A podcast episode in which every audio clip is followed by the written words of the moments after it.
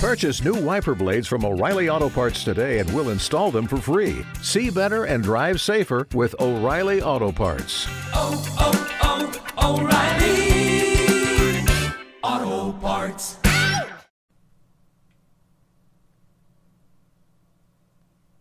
Fighting Through Podcast, Episode 73 Jack Stansfield, POW in World War II. More great unpublished history. One winter's evening, about two years before his death, my father, Jack Stansfield, was sitting at home in front of a coal fire and without any apparent reason started to talk calmly about his life as a prisoner of war during World War II. I was shocked. A group of prisoners working on the farm were locked in a barn each night. The local Polish blacksmith, who'd been ordered to install iron bars on the windows, managed to do so in such a way that they could be easily removed. We marched into the town behind the Union flag and got a great reception from the senior Russian officer who insisted that we be given the best billets for the night. An American soldier with a serious gunshot wound on the side of his head came into the camp hospital. He was from Texas. The doctor told me he didn't think the American sergeant would live the night out. Prisoners were ordered to set out on what became known as the Long March, or the Death March, west, as the German forces attempted to delay the liberation of the POWs by the advancing Soviet army.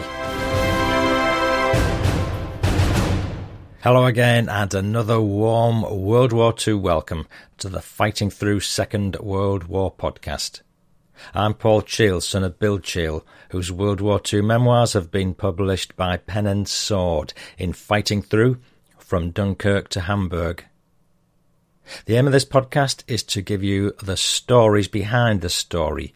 You'll hear memoirs and interviews with veterans in all the countries and all the forces. I dare you to listen. This episode, I've got a great story of Jack Stansfield as a POW prisoner of war in Poland. Jack was with the Green Howards, same battalion as Dad, and he was captured by the Germans during the Dunkirk campaign in 1940, a fate which Dad avoided by the skin of his teeth, as we'll find out later. Also, we've got a few family histories to share and one or two bits of war stuff this time. Firstly, I've got some very sad news to share with you. 6th of October 2021 marks the passing of Tank Captain Stanley Perry.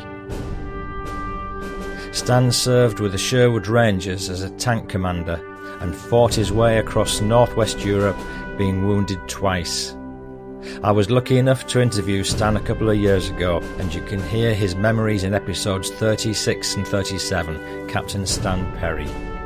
Stan regaled us with no end of jaw dropping as well as funny tales of his time in Normandy in 1944 with the Sherwood Rangers. And I don't think I've ever heard quite so many scary stories in one go. And I know I've never met anyone carrying more injuries and shrapnel in his body.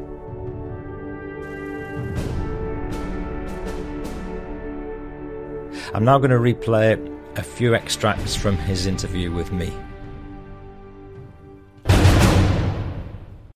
We weren't. I I mean, we, we were brash. We, um, we, we'd seen a lot of blood and guts. Yes, yeah. So, How, what was the closest you got to killing an enemy, or closest distance wise? Because obviously, from what you've been saying, you did have some fairly close quarters well, there's the closest I did shoot a German at about three yards. Um, Pistol? and that was while I was in the tanks, and I did a little recce into this house. I, I always worried about passing a, a house that they could chuck bombs down from the from the ri- window. Yes, And if you hadn't got your lids closed, you know, you might yes. be the recipient of a grenade. So Right. Uh, some, if we were going through a little narrow village, something with houses, I sometimes do a little foot recce. Right.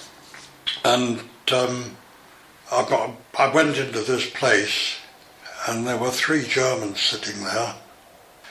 And I kicked the door open Yeah. and uh, I said, uh, handy hock or something like that. Yes.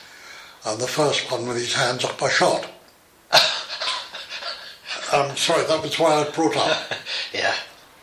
The one with his hands up first is the big danger Oh, really? because he's the quick reactor Ah, okay. and he's the one you shoot. And then the other two come quietly. And then the other two, uh, and so we took the other two prisoners. I did go into one where my earlier training had been handy as well. Went into a house, and there was a bottle of wine stood on the table, Right. and a glass beside it. And I always took my gunner with me on these things. He was a good lad. Yeah. He took my gunner with me, and he said, "Oh look," he said, "there, there's some wine there. Said, Don't, don't touch that." Looked underneath, and there was a nail. There'd been a hole drilled in there, Gosh. And a nail on a spring. Yeah, yeah. And when the nail popped up, it got a little um, anti-personnel mine Booby trap. sticked under the booby trap. So Gosh. she lifted the bottle up, up came the nail, Yes. and Wow. Sneak, went. sneaky. So, but to say with a bit of earlier, earlier training, I uh, You were ready for just, it. Dis- well, I was able to disable it without setting it off. That was quite handy. What was it like taking a prisoner? What was it, the feeling? Um, Did you feel anything or? I suppose, if anything, you felt there's another couple of buggers out the way. Yeah, yeah. I, uh, when I went, when I rejoined the regiment, um, uh, Jeanette, I had to go and get a new photograph taken for my um, identity card Right. because the other one was out of date or something, or I'd lost it or something. And, Yeah. and uh, I was sent down to Maastricht. Would you believe four places? To, to where? Maastricht. Right. And, in, in uh, Bel- is Maastricht in Belgium? Oh, It's on the Belgian-Dutch border, isn't yeah. it? Okay. Yes. and um, it's, it's a big bridge over the river, and it was manned up by American soldiers, and I'd been sent off in a jeep to go and get this damn photograph taken, and uh, a couple of um, robed priests, long black robes and funny Right. little hats, Right. had thumbed a lift off me. And uh, somehow I wasn't really quite happy. I, I uh, they were supposed to be Dutch um, Roman Catholic priests, Yeah. and uh, they were going down to Aachen. They said. Oh, I wasn't very happy. You know, it's on my Todd. I was on my own. So I drove into the middle of Maastricht Bridge, which was manned all the way up with American soldiers. And I drove into the middle of the bridge and I said, get out. Uh, Why? "Uh, just get out for a minute. And they got out of my jeep and uh, I beckoned up a couple of the American soldiers and said, oh, look at these, I'm not quite sure. Then we had a look and one of them was wearing um, long boots, Right. and they were a couple of Germans who dressed up as priests, Oh gosh. uh, escaped prisoners of war, Yeah. dressed up as priests. Wow.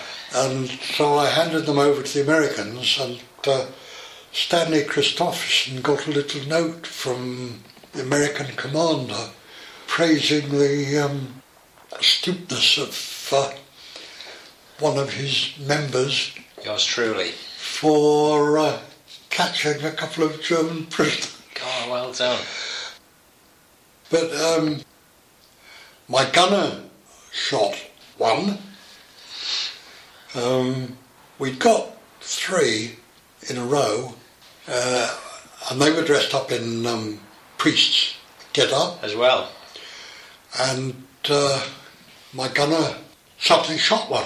I said, Christ, what have you done? I said, Geneva Convention, they're prisoners of war. Oh gosh. And he said, no, they're bloody not. He said, look at that. And again, he was wearing jackboots.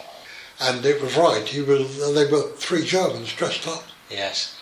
But we always handed over, I mean, you couldn't bugger about too much. I, um, there, there were, uh, I, I suppose there were acts of bravery by German soldiers. Um, you could take a little, few prisoners Yes. and uh, hands up, and they put their hands up that way. And if you saw, if they were like that Yes. or like that, So if if, if the hand, if their palms were facing okay. you, that was if okay. their palms are facing you, Yeah. if their palms weren't facing you, they might have a grenade in their hand. Yes. And uh, And it's not a natural way to hold your hands. No, it's not. With your palms behind. so you you became aware of those sorts Yeah. of things and looked out for it. But otherwise, it was just a matter of get rid as quick as you could. Yes. Yeah. because they were in the way of the tank. Wow. Infantry, of course, had different roles to play. Were you in the infantry at some point? No. No. No. I'm never in infantry. No. It's just um, the reason I'm asking you is that I Oh, brought yeah. this. This is my British Tommy helmet I've got out. I brought this off eBay. It's 1938, so it is true. That's Oh, can I take a photograph? Oh, yeah, sure. Have you worn one like that? I've worn one like have? that, yeah. Oh, right. We used to uh, carry these slung on our gas mask containers. Ah, Okay. So when, when would you have worn one of these? Um, theoretically, in the tank. Right. Okay, but you wouldn't. Um, yeah. And theoretically, it saved you from getting shot in the head by a sniper. Yeah. but in practice, um, you got a lot of face showing. You know, all this is, all this is there for the sniper, Exposed. Yes. Yeah. yeah. and uh, I was lucky. Lucky for me, my sniper wasn't uh, quite good enough. He was about three or four inches out. yes. Yeah. On your arm. Yeah. I, was like that. Yeah. And I got hit here. They were damned uncomfortable, actually. Were they? Mm. Mostly against the rules, we wore berets. Oh, okay. Yeah. I, I remember my squadron commander, Jackie Holman, on one occasion, the weather turned pretty foul about the middle of July, I think it was. It would be about the middle of July, I think. We got some pretty foul weather. Jackie Holman went into action This is your commander. with an um, Yeah. uh, he was my squadron commander. Yeah. He went into action with an umbrella up. I wasn't getting rained on. I can hardly hold the camera still. Uh, that was Jackie Holman. He was- He didn't get shot then. no, no, he uh, got away. Well, as I say, a lot of the time we went into action, head and shoulders showing, and just wearing a beret. Yeah. Yeah, sorry, at Wadi Akarit, Dad was crossing an anti tank ditch, and uh, in that vicinity, there was a tank commander or somebody lying over the top of the turret, Yeah. entrails everywhere, and it was a, horrible sight. Yeah. But you were Well, exposed my- at times, I guess. Uh, well, I'm talking about the Noiro. We, uh, we we actually got the sniper who shot me, incidentally. Oh, did you? Yeah, he was up a poplar tree. Right. There was a little row of poplar trees, Wow. and I said to my gunner, "I reckon the bugger's up in one of them trees." Yeah. So we we raked up and down all poplar trees Yeah. with machine gun fire, Yes. and all of a sudden somebody popped out of one. Wow. And I'm sure he was the bloke who shot me, so he got his come up. So got, yes, absolutely. Yes, and uh, We were talking about the Spandau earlier, Yes. and I forgot I didn't finish the story. In a, in a nutshell, Dad spotted a, Oh, right. a German hiding in some bushes with a Spandau, Yes. and so they took a patrol out and crept behind him. And when they found him, he was already dead. He had a knife in his back. Good. Lord. So uh, yeah, Yeah. Yeah. good job really, because he if he if he'd been alive, he might have well shot them all. Yeah, he might well have had a go, mightn't they? Um, what's the? Uh, can you think of any? Well, you've already told me no end of funny moments, actually. But can, are there any other particularly funny incidents you can remember from your war days? Perhaps one of the funniest moments, when I joined the Sherwood Rangers, in my first troop, I had a couple of ex uh, Nottinghamshire miners. And the Nottinghamshire miners had a curious thing they called backslang. Right. Backslang. Backslang. Yeah. And uh, it went something like this. Ude uye orte akbe angslay, which is do you talk backslang? And you take the first letter of the word and put it at the back and add a to it. So do becomes ude Yeah. and you becomes uye. and um, I had a couple of chaps in the tank who spoke backslang, and I thought they used to have a little chat, a little giggle, you know. Yeah. And I thought, you sods, you're talking about me, Uh, but I can't understand what you're saying. yeah, I think you might be taking the mickey. yeah. So very quietly, I found out what backslang was about, Yeah. and I learned how to translate it. Yeah. Yeah.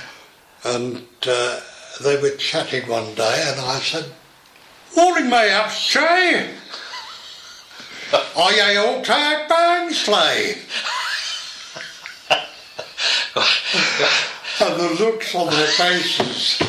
So, so, Christ, what me have we been saying? The old man talks backslang. So what, what did you just say to them then? It- I, nothing. We just, I just left it as a joke. oh, and, right. Yeah. um, Oh, okay. You were just yeah, yeah, yeah. Yeah, I mean, I didn't really mind. Um, I took this view um, very much not regular army. Yeah. My tank crew all called me Stan. Yeah.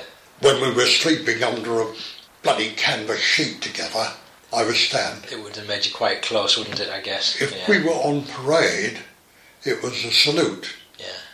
Or if we were standing outside the tank and somebody was nearby, Yes. Yeah. it was a salute and they called me Sir. Yeah.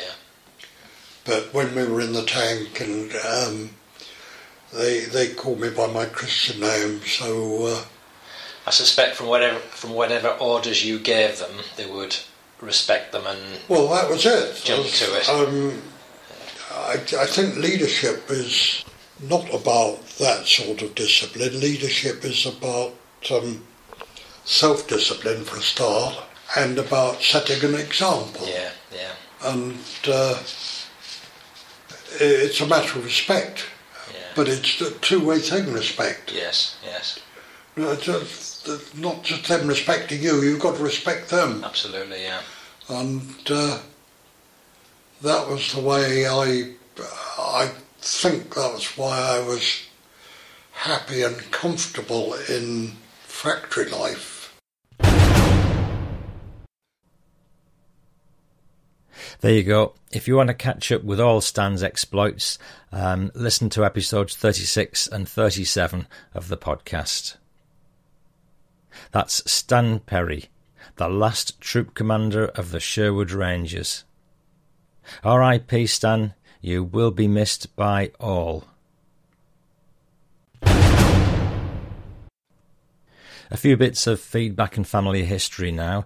Peter Douglas Cray from Australia uh, wrote in, says, I discovered your podcasts earlier this year and I've been listening to the episodes on the bus to and from work. Occasionally I'll listen when I'm on the rack at the gym.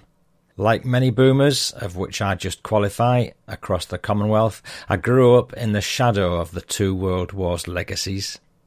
I've got childhood memories of Airfix plastic models, Commando and Battle comics, along with the annual attendance at the Anzac Day parade. you know, I used to get the Hotspur and Victor comics at various times, and even today I've still got a good number of them in my loft, hand bound into like an annual. I can't believe it, but we hang on to these mementos, don't we? Every now and again I get one of those Commando comics to read too. They always have a full colour picture on the front, and I've started to pick up ones which cover my favourite parts of the war, like Dunkirk and D Day. Peter continues, Two years ago I revisited the War Memorial in Blackall in central Queensland. The name A. Douglas was inscribed on the southern side of the plinth. I was a little perplexed as I never noticed the name on previous sites to the town, nor had it been pointed out by my mother's family. As a boy, I had an insatiable interest in wary stuff, especially the Japanese mountain gun in the Memorial Park. There's a family history of Gallipoli, the Light Horse, Spitfires, and Beaufort bombers on my father's side. Very little from my mother's side, other than a little of my grandfather's World War II service that included two weeks' detention for going away without leave so he could attend my uncle's birth, to which the said uncle was late. Old Joffre, nicknamed after the French general, had been a biscuit bomber crewman. I didn't appreciate that role until one day he mentioned seeing the men fighting on the ground. Literally, he summed up his wartime service with those scant words. I assume this sight would have been the muzzle flashes in the jungle, and if he could see them, the Japanese could see his plane. I'm not sure whom he hated more, the Japanese or the officers, as both were bastards in his eyes. The latter was still hard felt, as he didn't attend my brother's graduation from Royal Military College at Duntroon in 1984. Mind you, he was very proud to be photographed alongside of him as a young major when my brother gave the Anzac Day address in Blackall some years later. Back to A. Douglas on the War Memorial.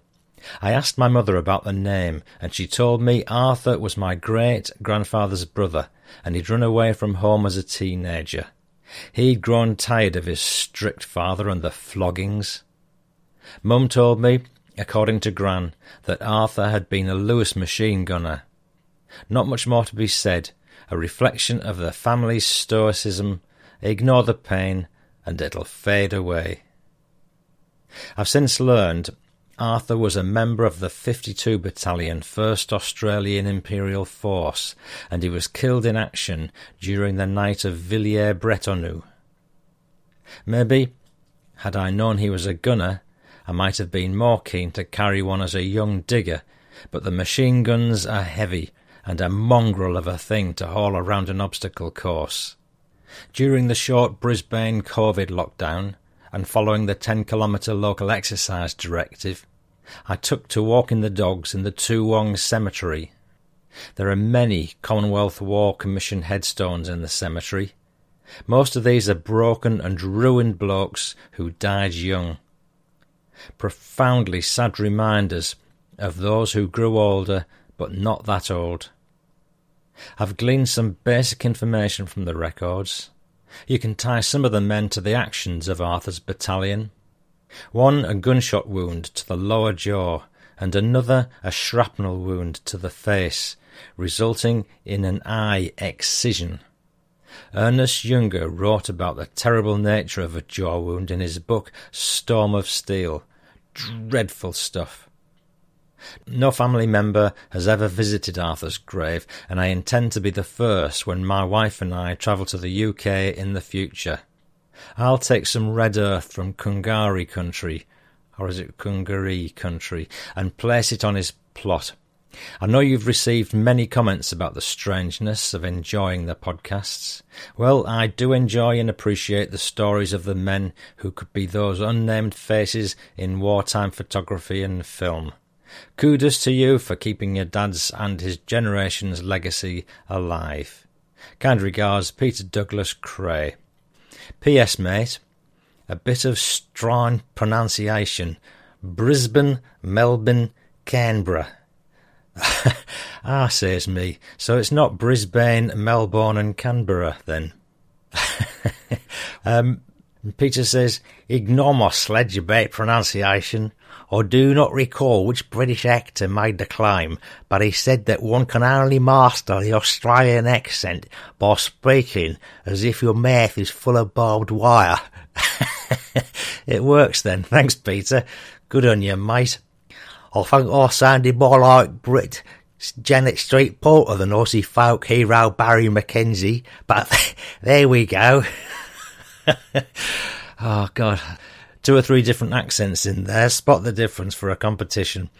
Um, buy me a coffee. Kindly provided uh, Greg Guffrey or Guifrey.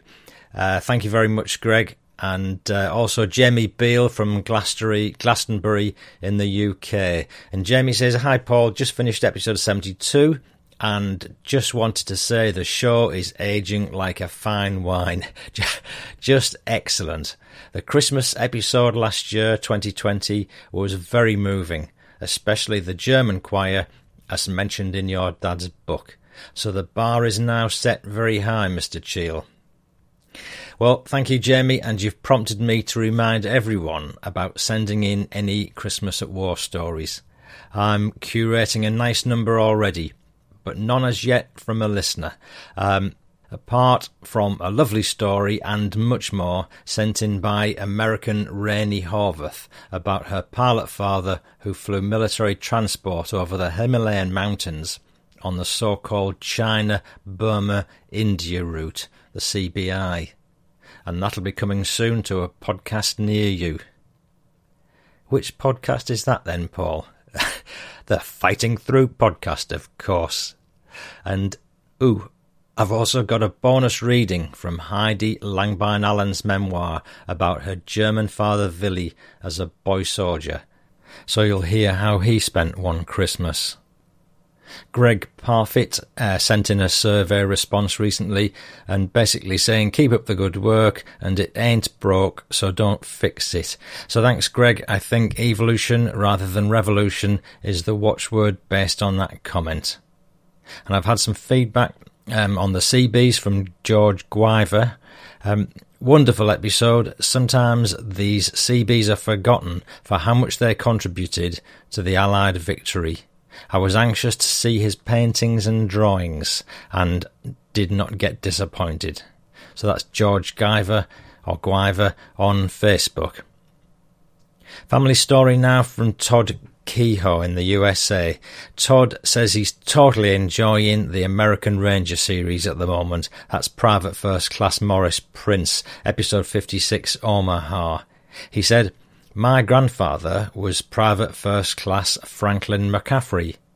He was certified as a sharpshooter with an M1 in the infantry, and he fought on Omaha and Normandy for nine days before he got wounded via an MG 42 and he had a leg wound the rest of his life. And Todd sent me a photograph of his overloaded bookshelf, which displayed a copy of Dad's book. And Todd added, You know you're afflicted, as Al Murray would say, when your Second World War bookshelf is in is in chronological order, covering firstly memoirs and then strategic or tactical books. No doubt in alphabetical order as well, Todd. And uh, I would highly recommend the Ian W. Toll trilogy on the Pacific campaign. Well, Todd, I would recommend therapy, but th- thank you for getting in touch.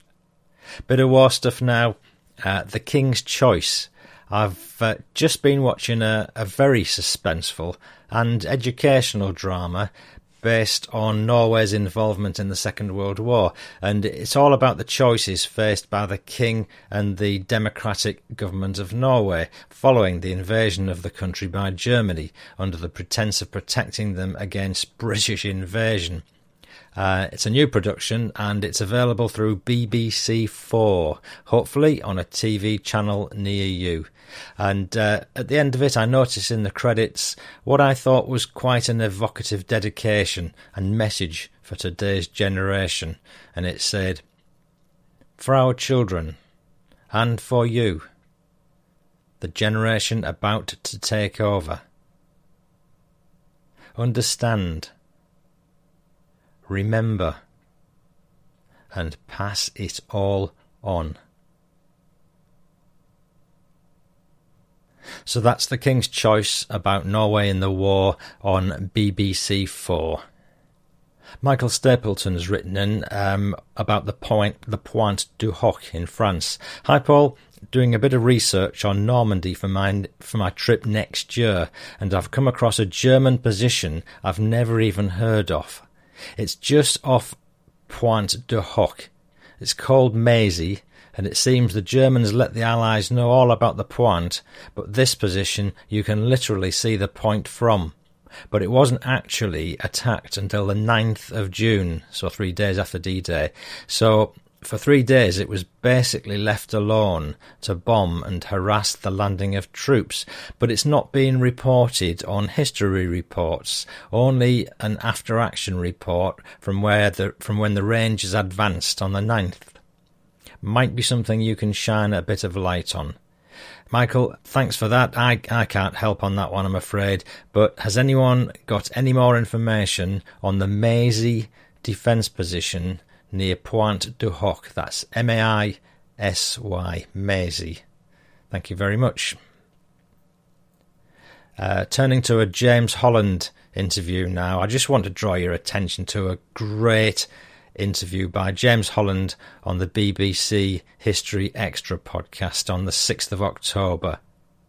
The uh, name of the episode is called Courage Under Fire, and it's an interview with James and about uh, the Sherwood Rangers. So, if anyone wants a real insight into the terrifying war fought by the, la- the likes of the late Stan Perry in the Sherwood Rangers, you should listen to this. The odds were not good at all for the tankers, and it's seriously great history, so see if you can catch up on that one. Turning to the main event now.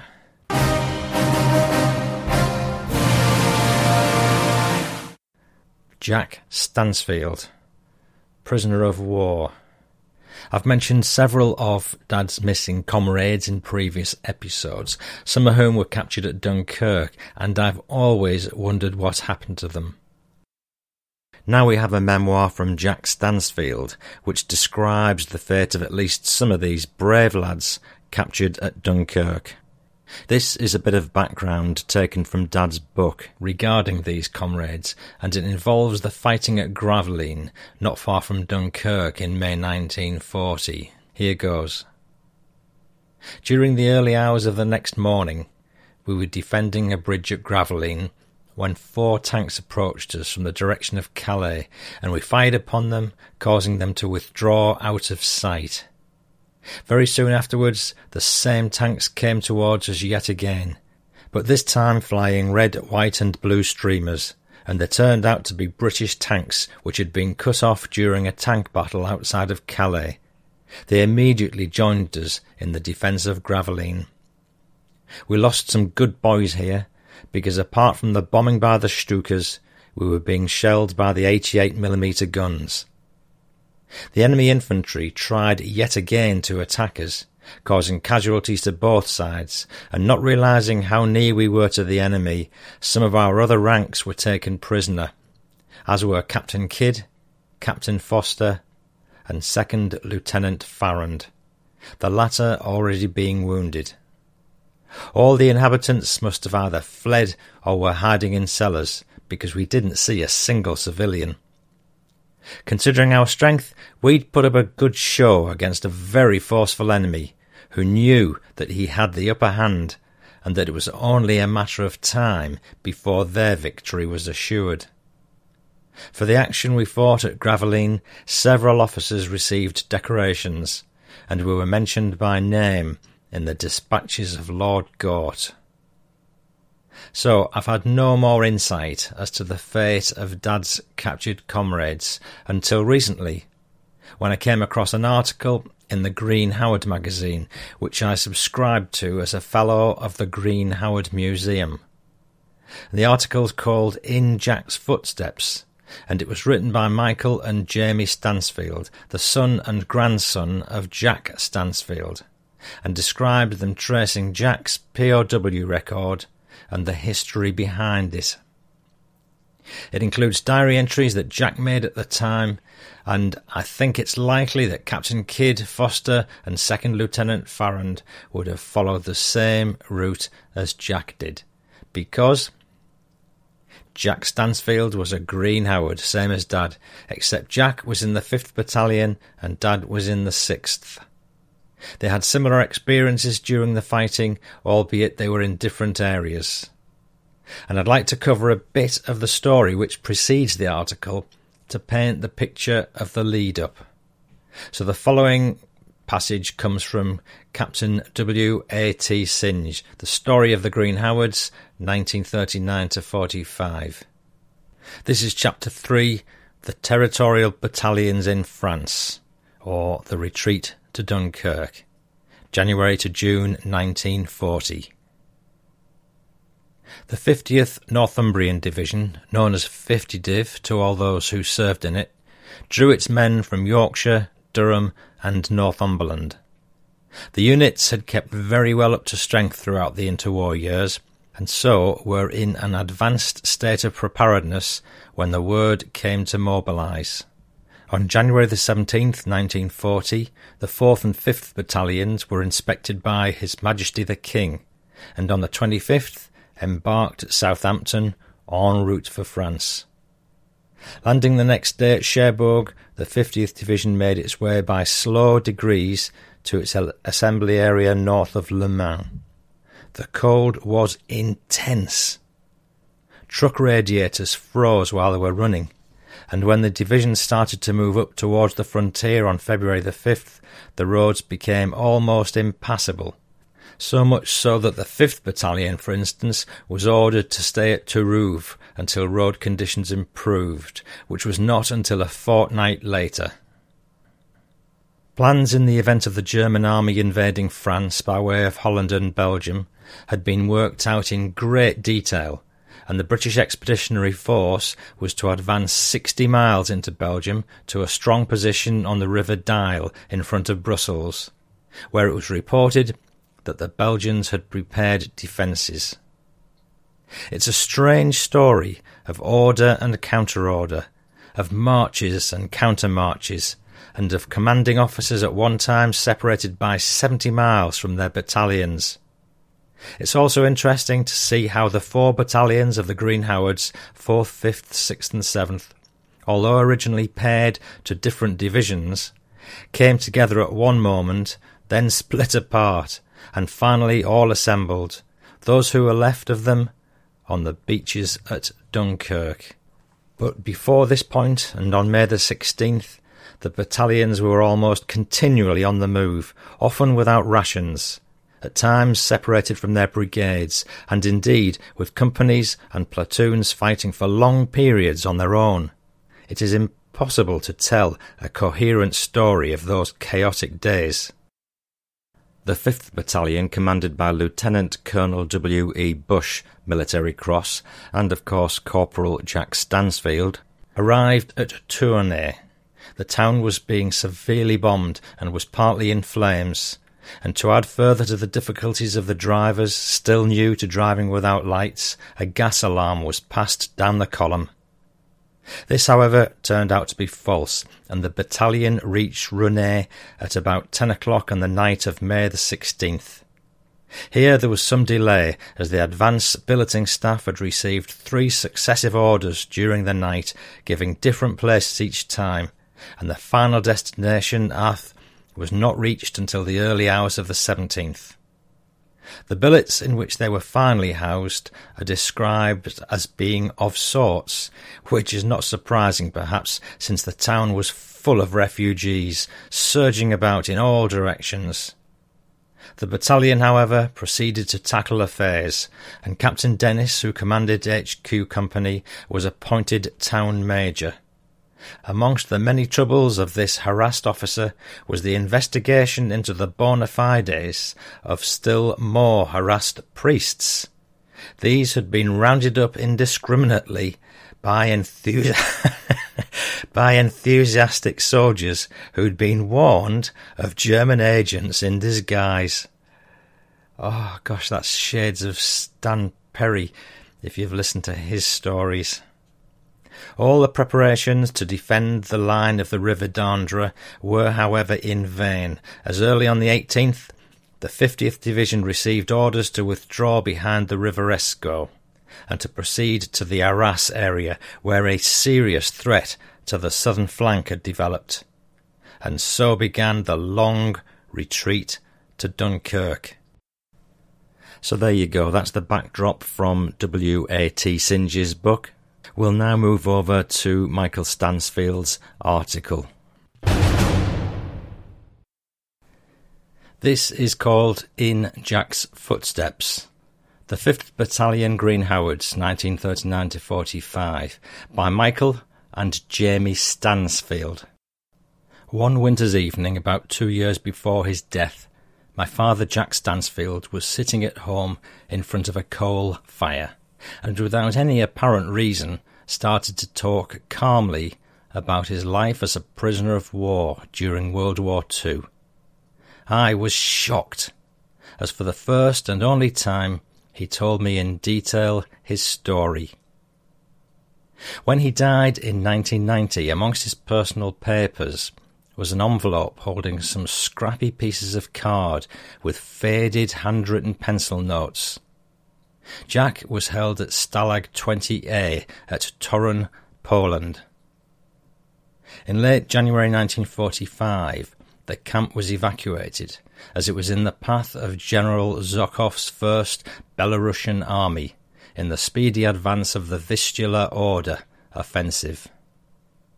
Prisoners were ordered to set out on what became known as the Long March, or the Death March, west, as the German forces attempted to delay the liberation of the POWs by the advancing Soviet army.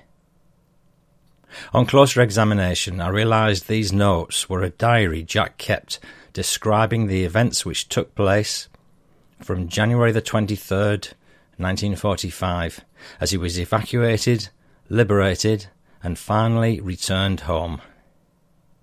As I read the diary notes he'd written, I was inspired to find out more and to try and find the answers to many of the questions that I now wished I could ask him.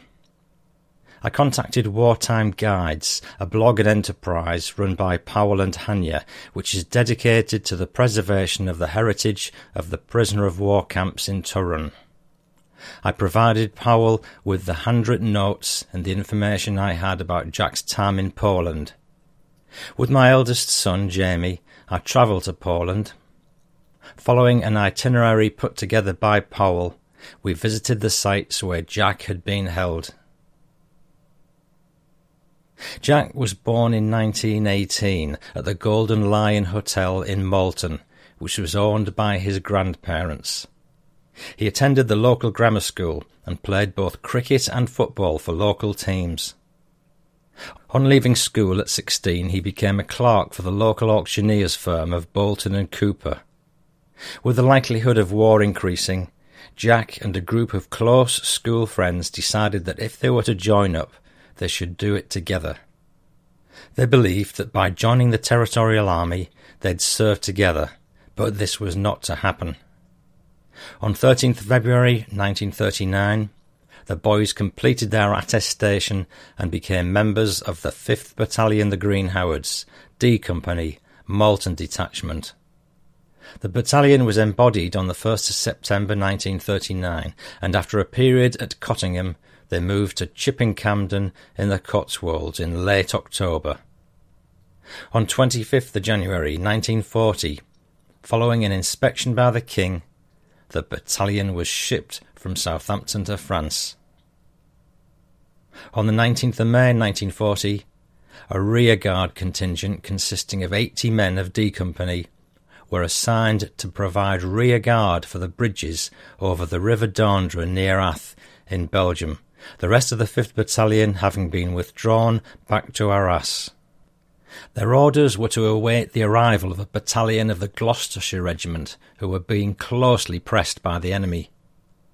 One section of D Company was overrun, and all were killed, except Jack and Lance Corporal Holliday. Jack recounted that they were travelling in a Bren gun carrier, and that the driver told him to crouch behind the armour plating. A short while later, the vehicle was hit by an anti tank shell. Jack and another soldier were thrown clear, but the driver and the rest of the section were killed. Jack found himself in a ditch, and his first thought was of needing to find his rifle, but this was short lived as he realized he was staring into the barrel of a Mauser with a German soldier shouting, Hand hoch! So began his life as a prisoner of war. Jack was posted as missing in action. His family back in Malton heard nothing for six months. Then, unexpectedly, during a Nazi propaganda broadcast by William Joyce, Lord Haw Haw, in the autumn of 1940, his name, rank, and service number were read out in a list of captured British soldiers. A short while later, it was confirmed by the International Red Cross that he was alive and a prisoner of war at a German POW camp in Poland. Jack spent much of his time in Stalag 20A at Torun and Stalag 20B at Malbork, although he knew them by their Prussian names of Thorn and Marienburg. Torun stands on the river Vistula in northwestern Poland. Until his rank of corporal had been confirmed by the British authorities, he was made to labour and described having to wade into the icy waters of the Baltic, carrying stones to enlarge the harbour wall at Gdynia, and the underground forts at Torun, which provided the dark, cold, and damp accommodation for all those held at Stalag 20A. Son Michael picks up the story of their trip. For my son Jamie and I, our trip began at Torun. Stalag 20A was made up of 15 fortresses surrounding the city which had been built in the 19th century to defend the western border of the Kingdom of Prussia. Much of the living accommodation was underground. The most interesting of these was now derelict, dark, and very damp. We were able to explore inside using head torches and saw the area in which the camp theatre was situated. And then, most interestingly, the bunker, the punishment cell with its now peeling whitewashed walls covered in graffiti written by the occupants. It made interesting reading. And listener, there's a reference to Churchill in one of these items of graffiti. You can see it in the show notes along with certain other photographs. This particular bit about Churchill said, Good old Churchill, give the German bees hell.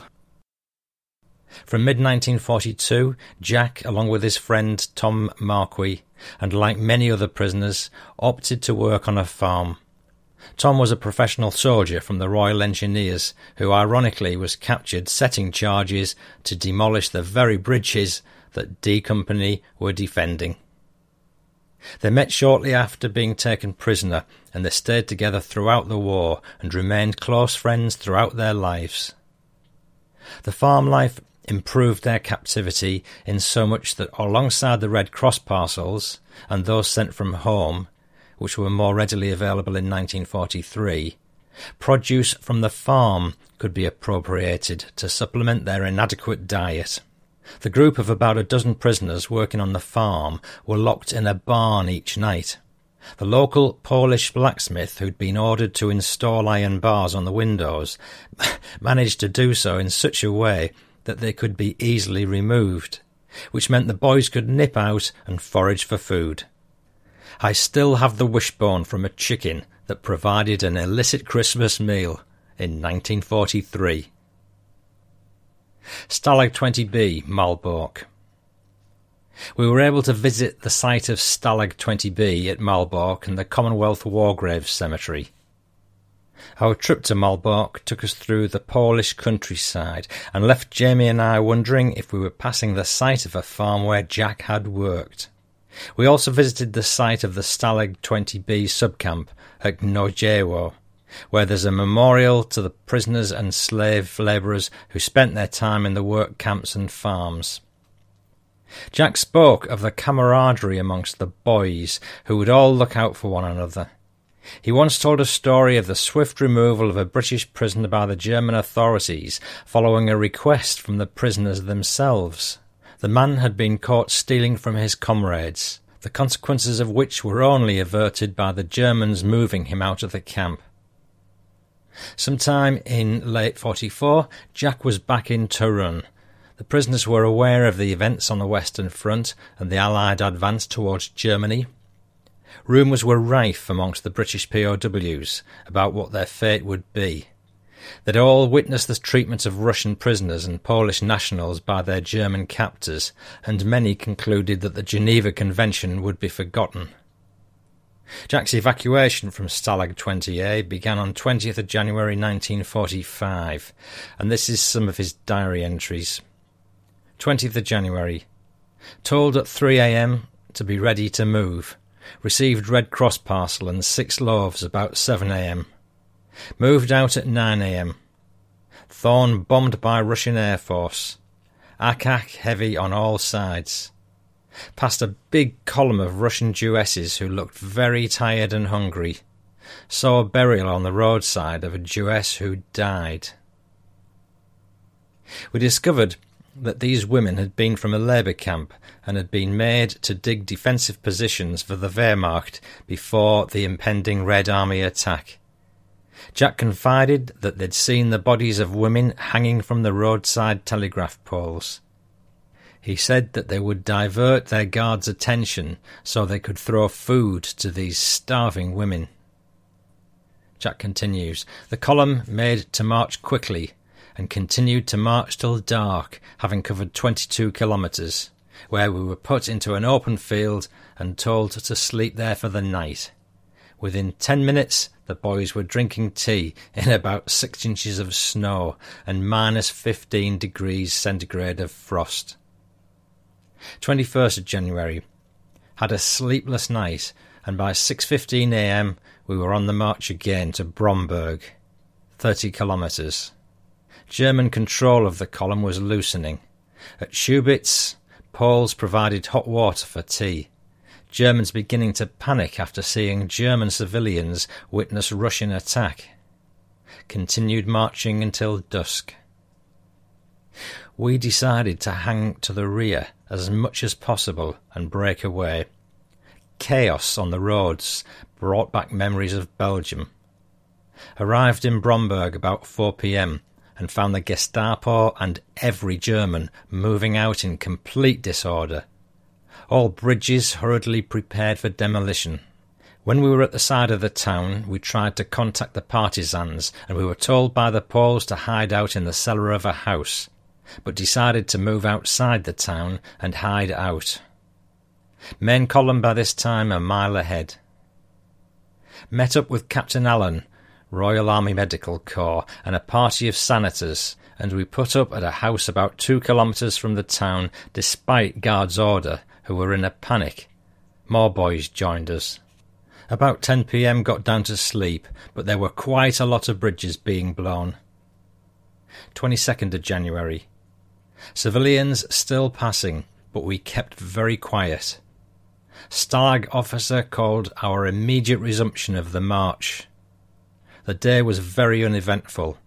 Russians reported 25 kilometres west of Bromberg. Told to have lights out by 8 pm, but by 7 pm most of the boys trying to sleep. About 11 pm we heard tanks passing by, but thought they were German. Heavy firing and machine gun fire. Our numbers increased to 120. 23rd of January. About 2 a.m., Russian troops came into the house, and after a few minutes we convinced the Russians that we were English. Ammunition dumps being blown and very heavy firing all around us, but the Russians said everything was okay. An officer came and told us to stay until daylight, when we moved to a village five kilometres outside Nakel, where we were told by the Poles to stay as there was heavy fighting going on in Nakel. Tom and RSM went with Paul to Nakel and came back with a note signed by a Russian officer saying we must go to Nakel So we went and stayed with Poles, made very welcome by all. Jack went on to describe the assistance of a Polish partisan boy of about fourteen who was also in the house. He spoke some Russian, and with shouts of Churchill, Churchill, they managed to convince these soldiers to get an officer who arrived a few minutes later. He agreed there were escaped British prisoners of war, so must not be shot. The group was now about a 120 men. They marched into the town of Nakel behind the Union flag that had been brought from the camp, where it had been used to cover the coffin of any of their comrades who died whilst in captivity. He spoke of getting a great reception from the senior Russian officer, who insisted that they be given the best billets for the night. 24th of January. On the way again to Shubin, where we joined a number of American officers, received Red Cross parcel, had a shower, bath, and a good night's sleep. This note was one of the most intriguing in the diary notes until we realised that Shubin was the place where another liberated POW camp, Oflag 64, was situated. During our visit, we went to the local museum and had a meeting with a local historian who gave us an account of Shubin at that time and explained why Jack would have gone there. Originally used as a camp for Polish prisoners, it was known as Stalag 21B. It was then renamed Oflag 21B and was used for British, French, and Commonwealth POWs. Finally, in 1943 it was renamed as Oflag 64 and was used for American prisoners, with its former occupants being moved out to Stalag Luft 3, infamous as the scene for the Great Escape. This camp was evacuated on 21st of January 45 and liberated two days later by the Russian army. Around 200 men were left, including those who were ill and some who'd hidden in an uncompleted escape tunnel. Oflag 64 was used by the Russians as a collection centre for POWs who were picked up by the advancing Red Army, and it was there that Jack and his comrades were taken by truck. One of the most important things we learned during our visit was the suffering imposed on the Polish people throughout this period. This was never truer than during our visit to Shubin. We came to understand that the Geneva Convention provided a level of protection to the British POWs that the Polish people did not have. On the site of the Shubin camp there now stands a reform school for boys. The only remaining hut stands derelict, although there remains evidence of the site's former use, including barbed wire, floodlight covers, and the house of the camp commandant. During our visit, the boys in the reform school proudly showed us a scale model they'd made of the camp. Back to Jack's diary. 25th of January. Clean up and had plenty to eat expecting to move any time from 11pm to 1am. Was on guard at the camp gate. 26th of January. Still in camp and resting. Some more boys joined us.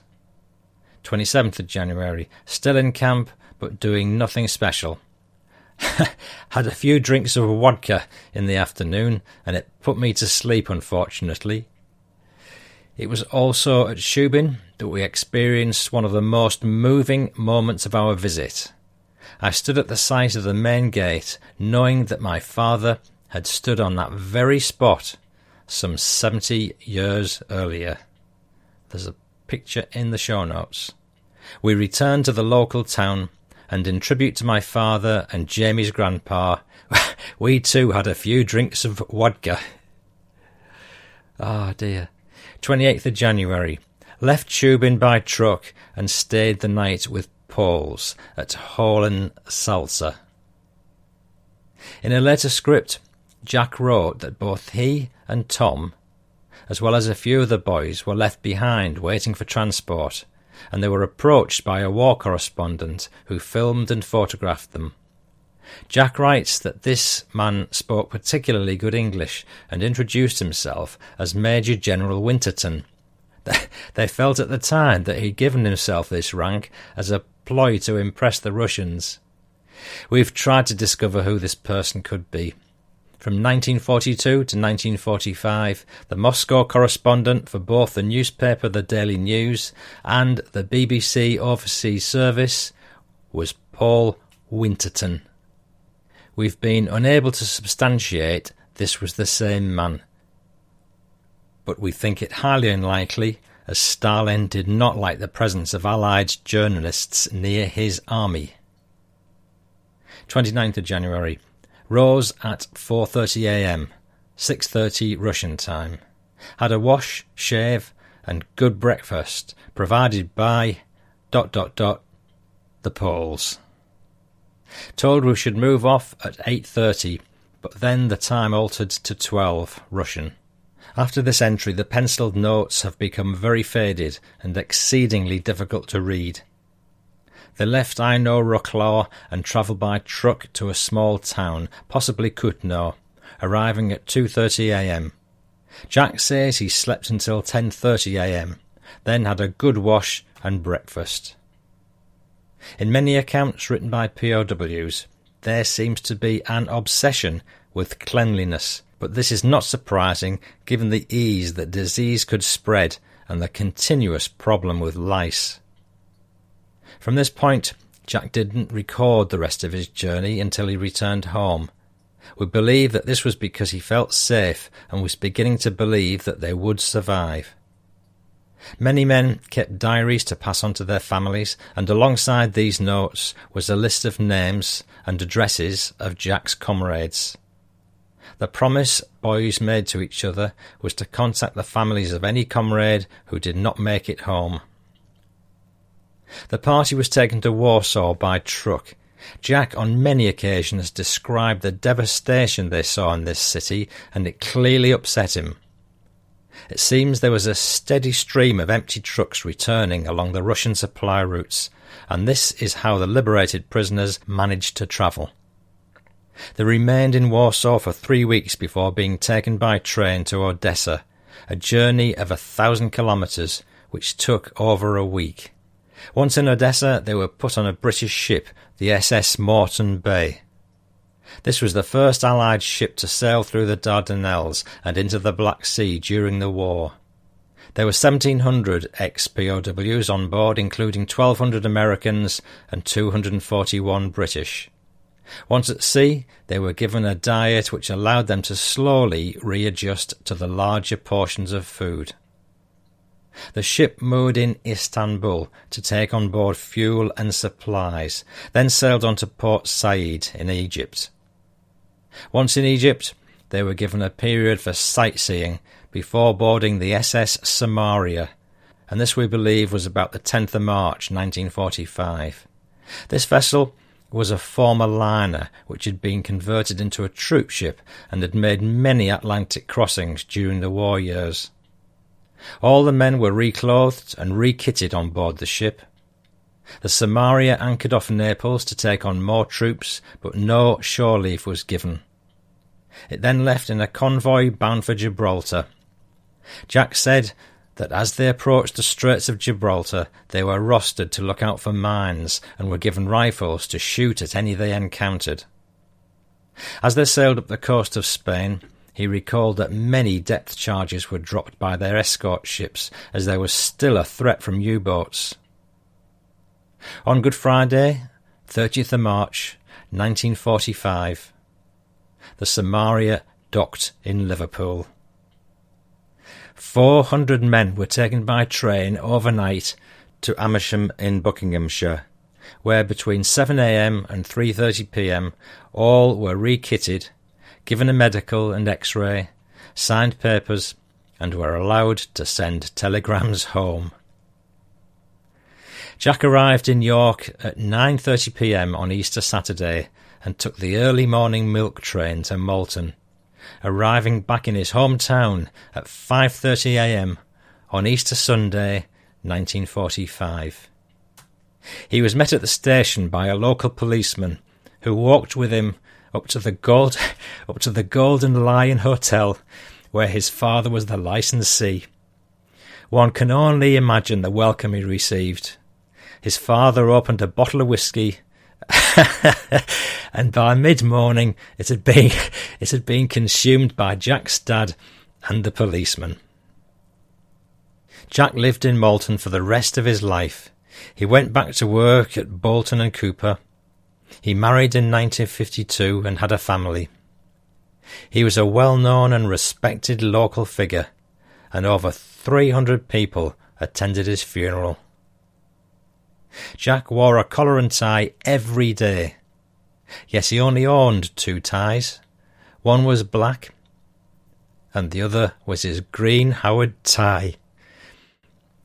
Once a green Howard, always a green Howard.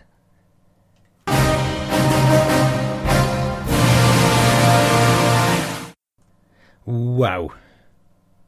And that's pretty much it. What a brilliant story. And once again, we've heard how the Polish people came up trumps in doing their best to look after their reluctant visitors. I'll say thank you very much to Michael Stansfield and son Jamie for doing such a brilliant job in stitching together the history and combining it with both Jack's diary and their own visit. It must have been quite a tricky job, so many thanks, guys, for doing all that.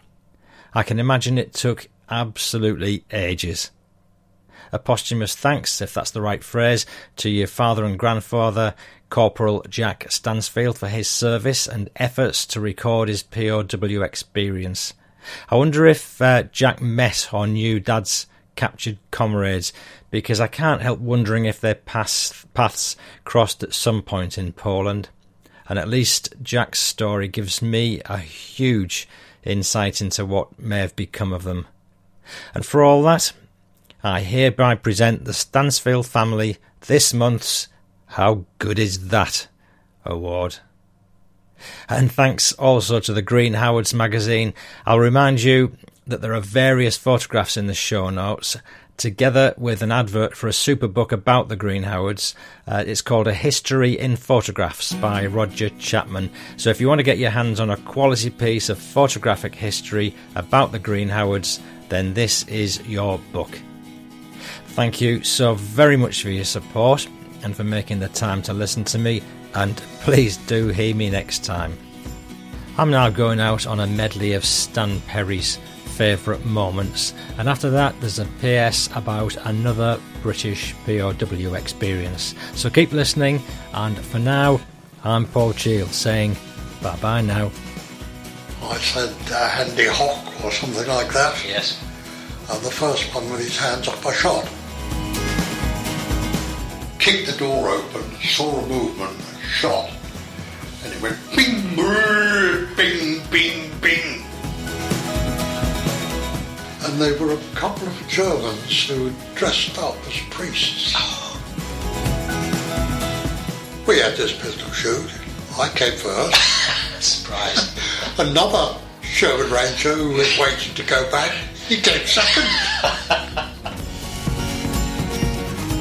Lead- Leadership is about um, self-discipline for a start and about setting an example. Yeah. And uh, it's a matter of respect, but it's a two-way thing, respect. And they said if it hadn't been uh, decelerated by that photograph album, Crikey. I should have been a goner. The gunner had painted A K I L L A. A killer. he didn't know the Morning, mayhaps, Jay. Are ye all tag bang sleigh?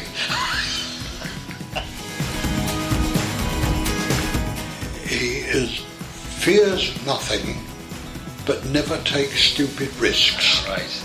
Uh, well, that, uh, and I was very proud of that. Keep taking the pills, keep taking it easy, and keep taking a wee dram every night. P.S. This short story has been taken from the BBC People's War website. Escape to Captivity. This is by Peter Orchard. Uh, he was a POW in Germany in the army. He was a warrant officer in the Royal Electrical and Mechanical Engineers, later captain. And here goes. After active service in Palestine, emergency 1936 39, I was in Malta until 1942 when I was posted to the 8th Army in the Western Desert, and after skirmishes with Rommel, we moved to Tobruk. The army was besieged in Tobruk, and we surrendered into the hands of the Germans. They ordered us to proceed to the POW compound some five miles away. The Germans said we could walk there or go in our own trucks, which we'd not had time to destroy. We said, OK. Having made holes in the sumps of the trucks, they just got us there before the engines seized up solid. The next POW camp at Benghazi was under control of the Italians. Water was a problem. They produced it in 44 gallon drums that had been used for diesel fuel and had not been properly cleaned out. Result massive diarrhea in some 2,000 prisoners. We were soon taken by boat to Italy, first in Brindisi, southern Italy, then to a camp north of Rome near Ancona. Italy capitulated, Mussolini was killed, and the guards smashed their rifles against the nearest post, tore off their uniforms, and shouted, The war is finished. I'm going home to multi vino, multi pasta, and multi nicky nick. a company of Germans soon arrived, and we were on a train through the Brenner Pass to Germany, to Stalag 5, POW camp. That was a former concentration camp for the Jews. We had to strip and tie our cloths in a bundle or bag if we had one. These were put in the cyanide gas chamber, and we went naked into the showers. Our clothes came out stinking of the cyanide gas. We had to shake them for some minutes before dressing. My weight had dropped to seven stone. At last the Red Cross parcels arrived to supplement our POW food of a couple of slices of black rye bread, potatoes and turnips, with occasional goat meat in the daily stew. The potatoes were boiled in their skins, and we took it in turns to have the skins to make a biscuit, baked on top of the fire stove that each hut had for heating. A corporal of the Australian Army, Tom Ward, was captured with the resistance in North Italy and was being taken to Berlin for trial as a spy, which meant the death penalty.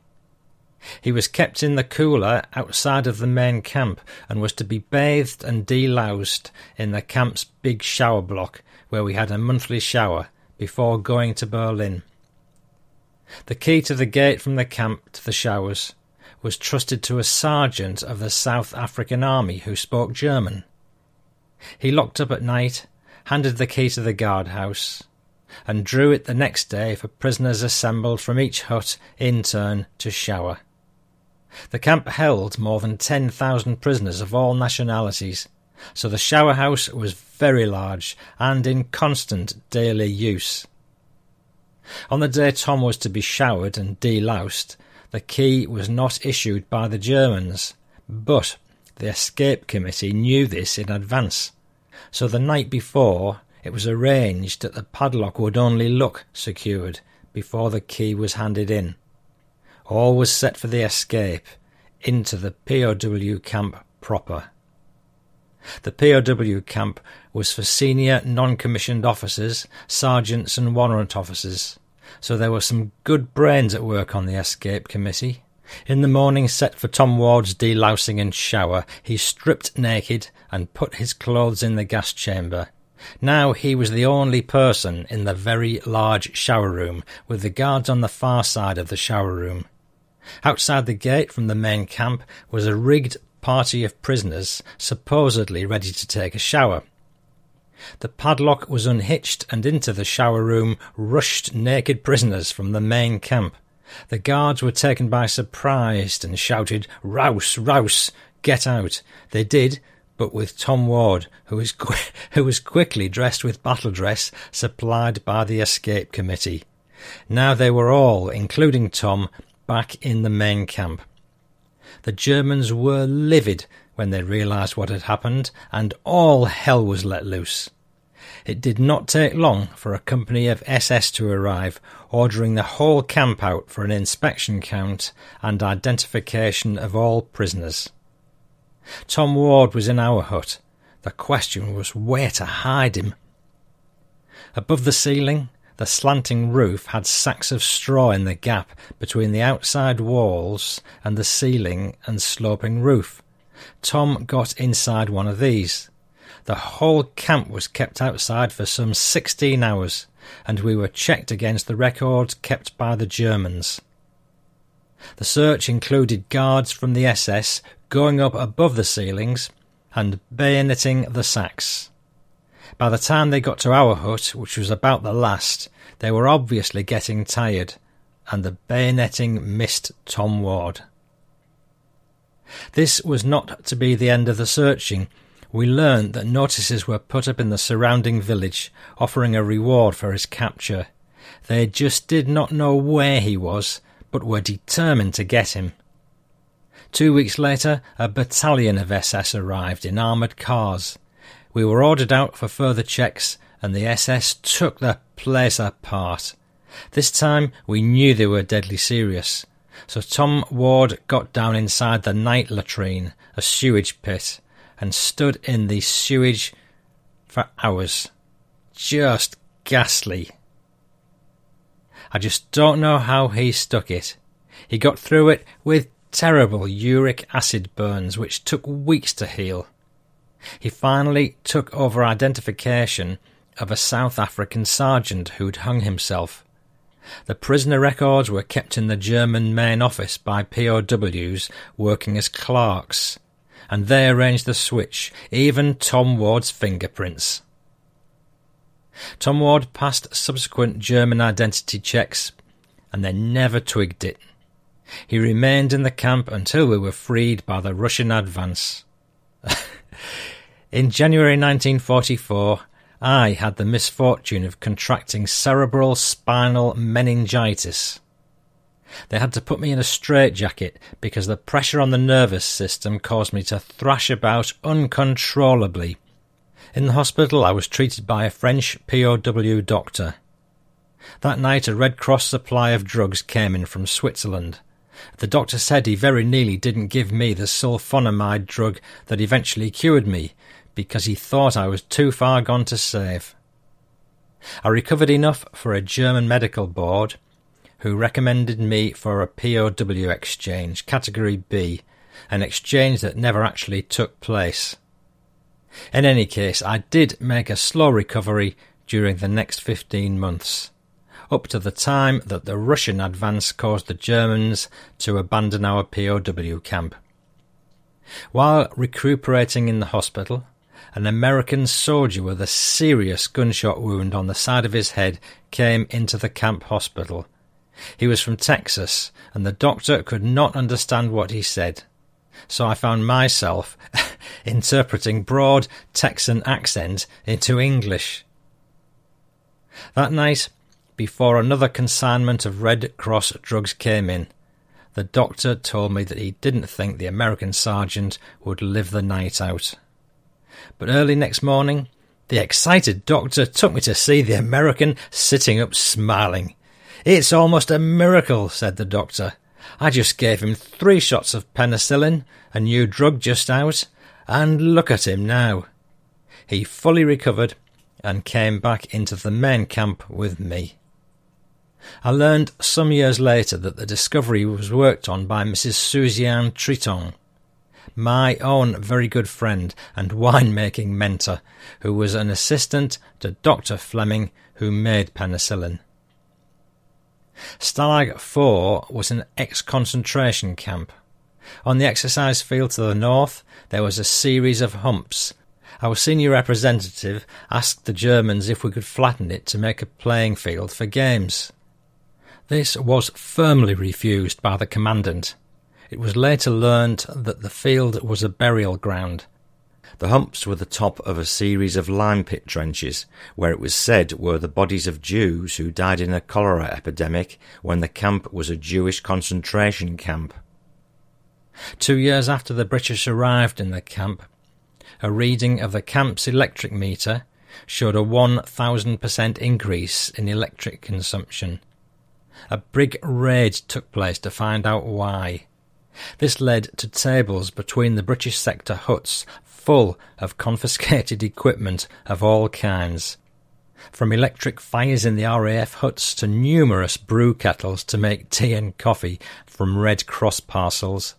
These were mainly two metal plates separated by a piece of wood, placed in a brew can, and the wires were then connected to nails and another piece of wood for a plug.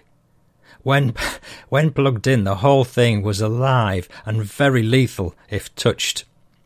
We'd stripped the wiring from the outside lavatories that were disconnected anyway. We wired the mains up to secret sockets behind two tiny holes in the wooden walls of the hut. One thing the Germans never did find was the radio set in our hut. It was under the seat of a stool our hut commander would sit on as he was allowed to stay in the hut when a search took place. We had a large homemade map of the war zone and pinned up little flags to show the Allies and Russian advance from the news we got. The German sergeant major would come to find out the war situation. He'd say, No, no, that's not correct, knowing full well it would come on the German news sometimes a week later. He was comparatively friendly, and we would have a laugh at his expense. In the end, he'd come in almost every day. The camp newsletter was also compiled from news we got from our radio, which was made from bits and pieces bought from the guards with cigarettes and sometimes coffee from the Red Cross parcels. The bulk of these parcels came from Canada, mainly because the Canadian Red Cross would escort the parcels and cigarettes to Germany. From UK, some 60% of the parcels especially cigarettes, were pillaged first in the UK ports, then across Spain, Switzerland, and of course Germany. I only got some 15% of the cigarettes Dad and Mum sent me. The distribution depended on how many parcels were available, and at the very best it was one food parcel between two of us. They were only available about half the time. The end of the war in Europe for us in the POW camp came with the advance of the Russians in 1945. The Germans were fleeing to the other side of the River Elbe and wanted us to join them. Our man of confidence refused the German offer to take us, some 10,000 of us, across to the other side of the River Elbe. The Russian liberation consisted of an officer on horseback riding into the Russian compound. You are liberated in the great name of the USSR. He then said, Those who are fit can draw a rifle from the horse drawn trucks and join the front. Then a prisoner shouted about someone, That man is a German dressed as a prisoner. So the officer drew his pistol and shot him dead on the spot. He continued, The rest are at liberty to go, walk, home. He did later find some dead on the roadside in their attempt to go home to Russia. The Russian sector was quite separate from the European sector of the POW camp, because they were not protected by the Geneva Convention. In fact, the Germans starved very many of them to death. They had to pull carts with tanks on them, used to empty the sewage from the night latrines at the end of each hut. They also had to pump this sewage out on their rounds of the camp using hand pumps. The sewage was taken to the fields to fertilise the turnips, etc., used to feed the POWs. Russian officers said that soldiers were expendable. The camp was liberated on the 14th of April 1945. My friend was Eric Skinner, DFC, an air gunner of the RAF and we both went for a walk about to the nearby villages where we liberated two bikes. The houses were mostly empty, just a few very old people who'd been left behind the fleeing population. We entered a villa that had been pillaged by Russian soldiers. They had just used their rifle, but smashing lovely furniture in wanton destruction. But we were free.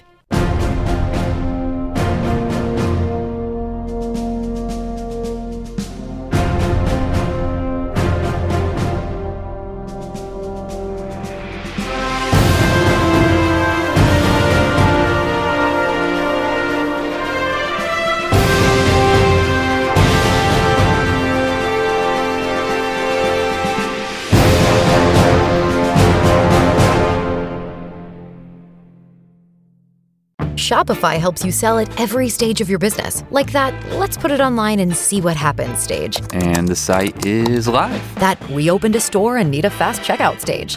Thanks. You're all set. That count it up and ship it around the globe stage. This one's going to Thailand. And that, wait, did we just hit a million orders stage?